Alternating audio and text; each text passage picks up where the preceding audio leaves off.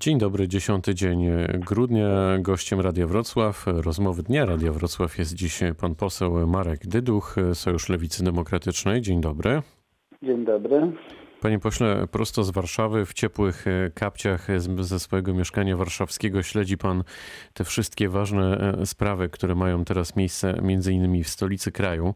Jak pan sądzi, co się wydarzy w najbliższych e, godzinach w sprawie weta polsko-węgierskiego na unijnym szczycie? Czy jest tak, jak podają różne agencje mm, newsowe w tej chwili, że już do tego porozumienia miało dojść i ono zostanie ogłoszone niebawem, być może jeszcze dziś późnym wieczorem, może w nocy, a może jutro rano, jak się obudzimy, to się okaże, że, że wszystko jest y, ok, czy, czy wręcz przeciwnie, nadal nic nie wiadomo?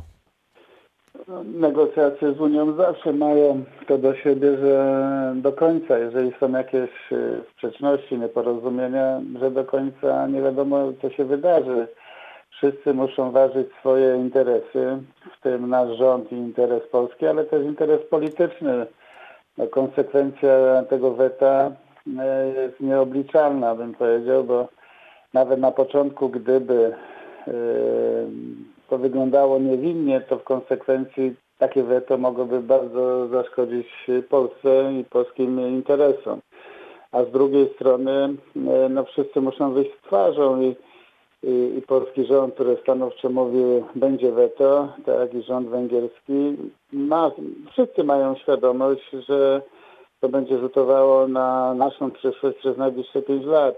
Dlatego te negocjacje, jak się rozstrzygną, wtedy będziemy mogli komentować e, bardzo precyzyjnie, co się wydarzyło i jak to będzie. A póki co, to jak nie ma decyzji ostatecznej, to wszystko jest możliwe według mnie. Czy w Pana ocenie Viktor Orban grał i nadal gra w swoją grę? Czy jest y, dla Polski partnerem godnym zaufania? Tego nie wiem, bo y, raz pokazywał, że jest partnerem, drugi raz, y, że rozmawia z Rosją w kontekście Unii Europejskiej. To jest gracz po prostu i na pewno będzie chciał wywalczyć wszystko, co najlepsze dla Węgier. Nie wiem, no myślę, że że partnerstwo tutaj jest do pewnego poziomu y, w relacji do siebie, bo tak naprawdę na końcu y, każdy myśli o sobie, czyli o swoim państwie. Y, dlatego ja też myślę, że polski rząd będzie musiał, moim zdaniem będzie bardziej lojalny do Orbana, ale będzie musiał liczyć się z tym, co w Polsce się wydarzy i jakie interesy Polski zabezpieczy. Dlatego no, mówię jeszcze raz, te negocjacje zawsze e, z Unią Europejską trwają do końca, szczególnie jeżeli chodzi o budżet. Przypomnę, że to jest budżet na 5 lat. E, no, poczekajmy, zobaczymy. Ja wierzę w rozsądek, że jednak znajdziemy jakiś kompromis. Mówię tu o polskim państwie, e, bo rząd, który... Czyli trzyma pan kciuki za polski rząd? Nie, trzymam kciuki za Polskę, Dlatego tylko chciałbym, żeby polski rząd nie zgłupiał po prostu. E, dlatego, że to jest naprawdę interes dla nas. To jest kolejny budżet, który pozwoli Polsce się rozwijać, to, to po pierwsze, a po drugie pamiętajmy, że jest pandemia i nie ma takiego mocnego kraju, może poza Stanami Zjednoczonymi czy Chinami, które, te kraje, które mogą sobie same poradzić. Natomiast Polska bez wsparcia Unii Europejskiej, bez tanich kredytów, bez y, wspólnego budżetu, bez y, odnowy czy odrodzenia gospodarki, finansów na odrodzenie gospodarki nie poradzi sobie. I opowiadanie różnych bajek, że my więcej wpłacamy do Unii albo że sami sobie poradzimy, to jest po prostu opowiadanie bajek. No to ja coś panu zacytuję. Zacytuję panu Witolda Waszczykowskiego, który wczoraj w RMF-ie powiedział, że tu cytat wszystkie dopłaty, które uzyskujemy z Unii, a nie są to jakieś gigantyczne pieniądze, bo przypomnę, polskie PKB to jest ponad 500 y, miliardów euro rocznie, a dopłaty unijne to jest około 8 miliardów y, euro rocznie. Szału nie ma. Koniec cytatu. No to jest, powiem tak, to jest taka gra polityczna, bo ja bym ją nazwał prostą głupotą. Dlatego, że pan Waszczykowski doskonale wie, że Unia to nie jest tylko kwestia bezpośrednich dopłat. E, to nie są też dopłaty tylko dla rządu, ale i dla samorządów, dla wielu obszarów społecznych. E, e, że, że to jest poważniejsza sprawa. To jest kooperacja gospodarcza, to jest kwestia bezpieczeństwa też i militarnego. jak to wszystko sumujemy, to Polska e, w relacji do Unii to jest, to jest niewielki kraj z niewielkimi możliwościami. Natomiast Polska, która chce się rozwijać, Polska, która chce mieć bezpieczeństwo też i militarne, ale generalnie bezpieczeństwo gospodarcze, społeczne czy jakiekolwiek inne, e, bez Unii jest naprawdę uboga. Z Unią jest naprawdę no to... ogromna możliwość rozwoju. Więc takie opowiadanie to jest tylko zwykła propaganda aż dziwię się, że pan Waszczykowski takie e, bzdury opowiada. To kończąc e, ten wątek, e, myślę, że ważne pytanie jest też takie, kto się ostatecznie okaże tym miękkiszonem, to znaczy bez względu na to, do jakiego rozstrzygnięcia dojdzie, a wszystko wskazuje na to, że, że jakiś kompromis będzie. Mm, no to pytanie, co w tej sytuacji na przykład zrobi Solidarna Polska, która mówiła weto albo, albo śmierć. Wie pan, między miękkiszonem a głupotą jest niewielka różnica. Można stać na swoich stanowiskach do końca i przegrać. E, e, ten patriotyzm w cudzysłowie, który wyraża e, Ziobro, jest taki trochę na pokaz. Taki jakby powiedzieć historyczny. No zawsze każdy kraj, mówię historyczny, bo, bo się nawiązuje do Polski przedwojennej, że niby tacy byliśmy silni, mocni i tak dalej i tacy nie byliśmy. No, trzeba to obiektywnie ocenić. I dzisiaj Polska bez Unii Europejskiej jest między młotem a kowadłem. Między Unią Europejską bogatą, która może nam e, pomóc i między Rosją e, może mniej bogatą, ale militarną. Więc e, wyalienowanie się z, z tego e, poziomu i z tego układu Unii Europejskiej jest, jest naprawdę niemądre. I jeżeli Ziobro w ten sposób mówi, w ten sposób stawia sprawę, to albo jest politykiem, który się nie, nie nadaje aż na takie stanowiska, albo gra swoją grę w stosunku do tego, żeby być liderem na prawicy, albo e, nie rozumie polityki. No i, no i tylko tak to mogę skomentować. Natomiast to, to, to wszystko pokazuje, że bardziej stawiane są swoje interesy polityczne i swoja pozycja osobista, nad interesy Polski i dobrze, żeby Polacy to zrozumieli wreszcie. Za nami wotum nieufności wobec e, wicepremiera Jarosława Kaczyńskiego. Wniosek w tej sprawie zgłosiła Koalicja Obywatelska i Lewica. Dlaczego e, właściwie chcieliście odwołać pana wicepremiera? To wotum było bardziej symboliczne, za całokształt bym powiedział. E, przypomnę, że pan obecny wicepremier, ale lider PiSu e, Jarosław Kaczyński był poza zasięgiem jakimkolwiek zarzutów, bo nie pełni funkcji publicznych, państwowych w tym przypadku.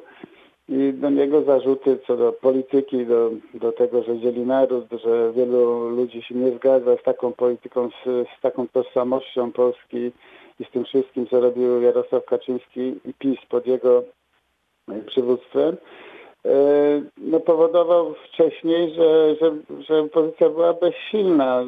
Nie było jak złożyć wotum nieufności do Kaczyńskiego, który nie pełnił żadnej funkcji państwowej. W momencie, jak zaczął taką funkcję pełnić... Czyli w zasadzie to, takich merytorycznych zarzutów w kontekście pracy jako wicepremiera e, nie mieliście. No nie, można było mieć oczywiście, dlatego że pan Jarosław Kaczyński odpowiada za bezpieczeństwo państwa, czyli ko koordynuje tak zwane siłowe resorty. No i takim głównym zarzutem były ostatnie wydarzenia. Młodzi ludzie wyszli na ulicę. Było tam wiele konfliktów z policją, ale główny, e, to jest mojego punktu widzenia, główne jakaś e, niefrasobliwość, albo ja tego nie mogę zrozumieć e, pana Kaczyńskiego było to, że wezwał e, Tiboli, wezwał narodowcowców do tego, żeby bronili kościoły.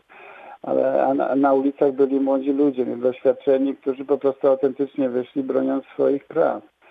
Proszę sobie wyobrazić, jak premier rządu, wicepremier wzywa do tego, żeby na ulicach były konflikty, bo przecież albo e, wręcz walka. To był największy błąd e, Jarosława Kaczyńskiego jak, jako wicepremiera, dlatego że wprost mówił bijcie się na ulicy, a my może zareagujemy, może nie.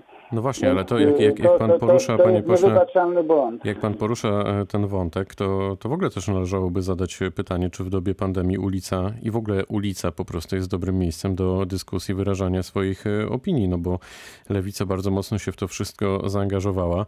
Powiedzieć, że podgrzewała e, emocje, no to też nic nie powiedzieć. Myślę, że co do tego też tutaj się mm, zgodzimy. Więc e, czy to nie jest tak, że była akcja i musiała być e, reakcja po prostu? E, No reakcja powinna być e, rządu, tak, a nie wzywanie do burd publicznych, bo to było wezwanie do burdy publicznej, jeżeli chodzi o Kiboli i tych, którzy się mienią patriotami, a młodymi ludźmi. Oczywiście, że to było zagrożenie ogólne, tylko też proszę popatrzeć na motywację. Młodzi ludzie, mimo tego zagrożenia, może nie zdawali się do końca świadomości, ale na tę ulicę wyszli. Oni nie mówili tylko, że e, naruszono status quo, jeżeli chodzi o prawo aborcyjne. Oni mówili, dajcie nam wolność. E, Oni mówili, e, to było w większości e, kobiety, one mówiły, my chcemy więcej praw, więcej równości w życiu publicznym, zawodowym, jakimkolwiek innym. To się, to się działo. Jeżeli ci młodzi ludzie mieli motywację, żeby wyjść na ulicę, nawet czasami nierozsądną, bo to są młodzi ludzie po prostu, to można mieć inne metody, szczególnie rządowe, ale też negocjacje, rozmowy, żeby w czasie pandemii tego nie robić.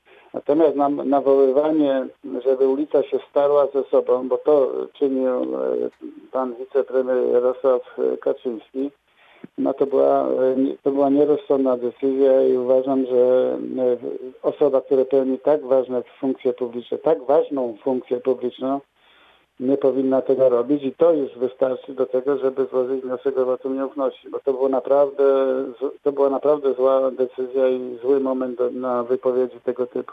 Często jest tak, że to wotum nieufności to jest taka okazja do tego, żeby opozycja mogła się zaprezentować e, wyborcom. E, Czy tak się wczoraj stało? Czy opozycja zapunktowała? Widział pan e, taką chociaż jedną porywającą w cudzysłowie wypowiedź, odpowiedź, e, komentarz reprezentanta właśnie ze strony opozycji? Taką, którą pan zapamiętał i stwierdziłby pan, no to dla nas jest w takim razie nadzieja. Według mnie nic nadzwyczajnego się nie wydarzyło w wypowiedziach przedstawicieli opozycji. To była taka melodia, taka jak zwykle. I odpowiedź była taka jak zwykle, czyli wczoraj z punktu widzenia e, tej sytuacji przełomu nie było. Był kolejny moment e, na zwrócenie uwagi, że ten rząd, e, to, to ugrupowanie, które w tej chwili rządzi, już popełniła tyle błędów i już tyle, bym powiedział sobie, nagrabiła w stosunku do opinii publicznej, że można pewne elementy podnosić. Natomiast to była taka gra z obu stron, która nic nowego nie wniosła, a poza tym, że podkreślono po raz kolejny pewną sytuację i pewien moment w życiu politycznym. Marek Dyduch, poseł Sojuszu Lewicy Demokratycznej, był gościem rozmowy Dnia Radia Wrocław. Bardzo dziękuję za spotkanie. Dziękuję i życzę miłego dnia. Dobrego dnia również, pytał Dariusz Wieczorkowski.